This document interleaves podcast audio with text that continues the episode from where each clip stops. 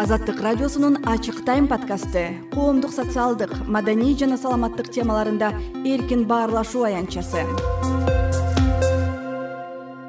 кадырман угарман ачык тайм подкастынын бул жолку чыгарылышында мен бактыгүл чыныбаева туугандар арасындагы никенин ден соолукка тийгизген таасири тууралуу сөз кылмакчымын соңку күндөрү коомчулукта туугандар арасында никеге байланыштуу талаш тартыштар жүрүп жатат.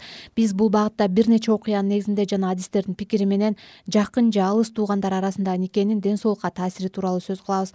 Алгач өз тайкесине турмушка чыккан келиндин окуясы тууралуу айтып берсек каарманыбыз айзаданын эжесинин өзүнүн бир тууган тайкеси ала качып кеткен азыр алардын улуу кызы чоңоюп мектептеги бүтүрүү класстарында билим алууда. Айзада эжесинин никеси тууралуу бизге буларды айтып берди апамдын бир тууган бөлөсү менин бир тууган эжемди алган да. Менин жездем менен апам бир тууган бөлө да. Жакшы эле эки кызы бар жашынакай жакшы баары жашынакай эле. Эми да эки бир тууган бөлөнүн апалары үйлөнтүп койду да. Тайнем менен тайнемдин сиңдисичи жездемдин апасы да тайнемдин сиңдисичи үйлөнүп койгондо эми биз өлүп калсак алыстап кетпейли деп ала качып кеткен да эжемди эжем отурбайм где то эжем жыйырма үчүндө болуш керек. Отурбайм дегенине карабай тайнем барган тайнемдин көңүлүндө отуруп калгам да. Улуу кызы тогузунчу тогузунчу класс ооба. Анан экинчи кызы үчүнчү класс. Жездем кырк беште эжем кыркта болуп калды уже буюрса айзаданыкындай бири бирине үйлөнгөн бөлө тайэке жээндердин мисалы ар бир айылда эле кездешсе керек. Кийинки каарманыбыздын тайэкеси да жээнин алган. Алардын ортосунда беш баласы бар. Экөөнүн мүмкүнчүлүгү чектелүү көздөрү көрбөйт. Атын атагысы келбеген бул жигит жакын туугандардын ортосунда никенин айынан майыптуулугу бар балдар төрөлдү деген ойдо. Токсон үчүнчү жылкы ошол э, көзү көрбөйт да ошондой болуп төрөлгөн болчу анан андан кийин дагы баласы болду анын да көзү жакшы көрбөйт деп ошентип айтышат калган беш баласы бар үч баласы жакшынакай а мен генетикасы бузулган болуш керек деп ойлойм да. Бул э, медицинада да барго ошол тастыкталган деп ойлойм бизде деген жанагындай алысты жакындатуу максатында гана ушундай эме кылып болуш керек деп ойлойм да. Уникалдуу адамдардын баардыгы мисалы канды таза сактагандан төрөлөт го мисалы башка эмеден алганда чыңгыз айтматовдун карасак апасы татар мисалы эндогамия экзогамия деген барго гомос үй бүлө ички тышкы эме менен фактор менен үй бүлө курган жакшы деп. Саламаттыкты сактоо министрлигинин алдында улуттук репродукция борборунда саналуу гана генетик дарыгерлер бар. Алардан туугандар арасында баш кошуп баласынын ден соолугунда мандеми болуп төрөлгөн учурларды тактадыңарбы деп сурап жооп ала албадык. Ал эми эне жана баланы коргоо улуттук борборунун ымыркайлар бөлүмүнүн дарыгери гүлнара жумагулова.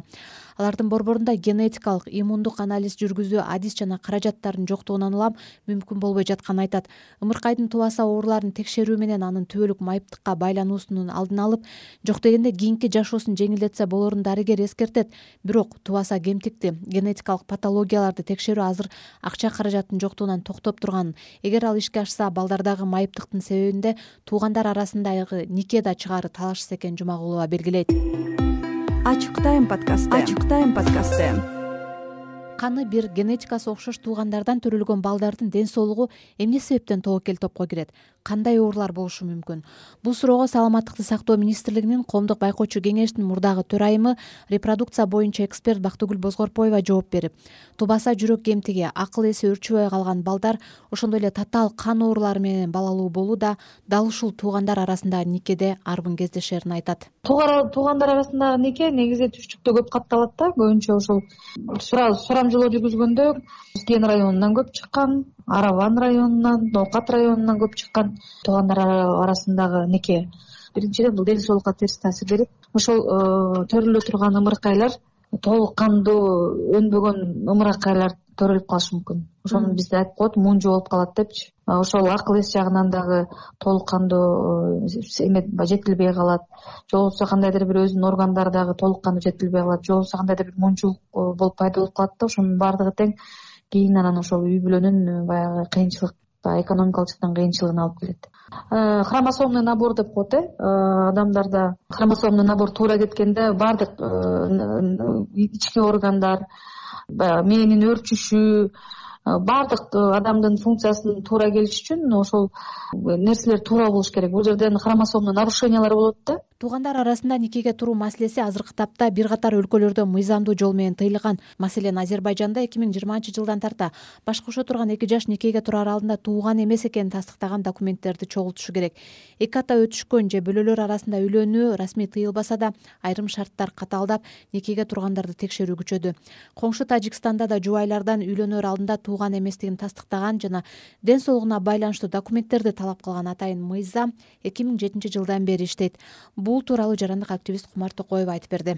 Ошол тажикстанда иштеген адистер айтышкан да бизде ушул тууганга жакын туугандарга э, үйлөнгөндөр аябай көп болуп анан тукумга аябай доо келип атат бизде майып балдар өтө көп деген. Ошол себептүү булар эки миң жетинчи жылы атайын мыйзам кабыл алган жакын туугандар бири бирине никеге турбасын деп. Ошол мыйзам катуу көзөмөлгө алынып жатат деп ошол жылдары ошол жакта иштешкен баягы биздин коллегаларыбыз айтып берди эле да. Анан бизде э, чала сабаттар көп.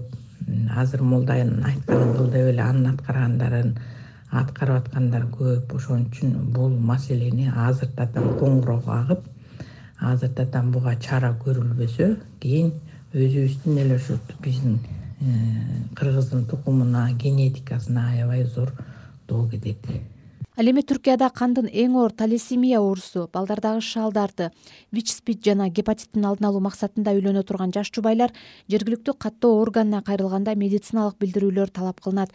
Эки миң жыйырма экинчи жылдан тарта ата жана эне тараптан жакын туугандыгы барларга үйлөнүүгө тыюу салынды. Эми жаштар сөзсүз түрдө тууган эмес экенин үйлөнөр алдында далилдеши керек.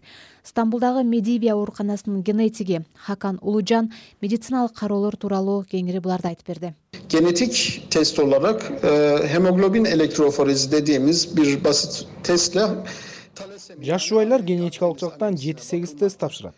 Анын ичинде гемоглобиндин электрофорези анализ алынып үйлөнүүчүлөрдүн талесемия оорусуна гени жокпу текшеребиз. Бул тесттен эле алардын туугандык байланышы далилденип калат буга кошумча вич спид гепатиттин б жана ц түрү канчанчы топтогу кан тесттери тапшырылат.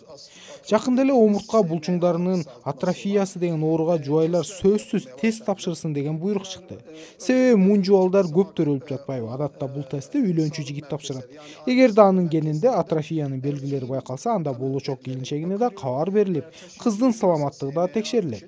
Бул милдеттүү анализ киргенине эки айдай болуп калды göre bir takım yaklaşımlarda bulunuyor. Henüz daha türkiye'de de yeni e, rutin uygulamaya geçmiş bir yöntem. Кыргызстанда жылына жүз жыйырма жүз отуз миңдей ымыркай төрөлүп жатат. Азыркы тапта отуз эки миңге чукул мүмкүнчүлүгү чектелүү он сегиз жашка чейинки балдар каттоодо турат.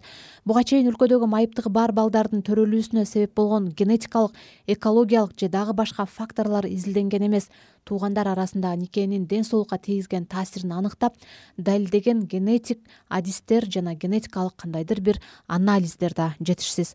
Урматтуу угарман сиз ачык тайм подкастынын жаңы чыгарылышын уктуңуз. Аны бул ирет мен бактыгүл чыныбаева даярдадым. Анда биз туугандар арасындагы никенин ден соолукка тийгизген таасири тууралуу сөз кылдык. Саламатта туруңуз азаттык радиосунун ачык тайм подкасты. Коомдук социалдык маданий жана саламаттык темаларында эркин баарлашуу аянтчасы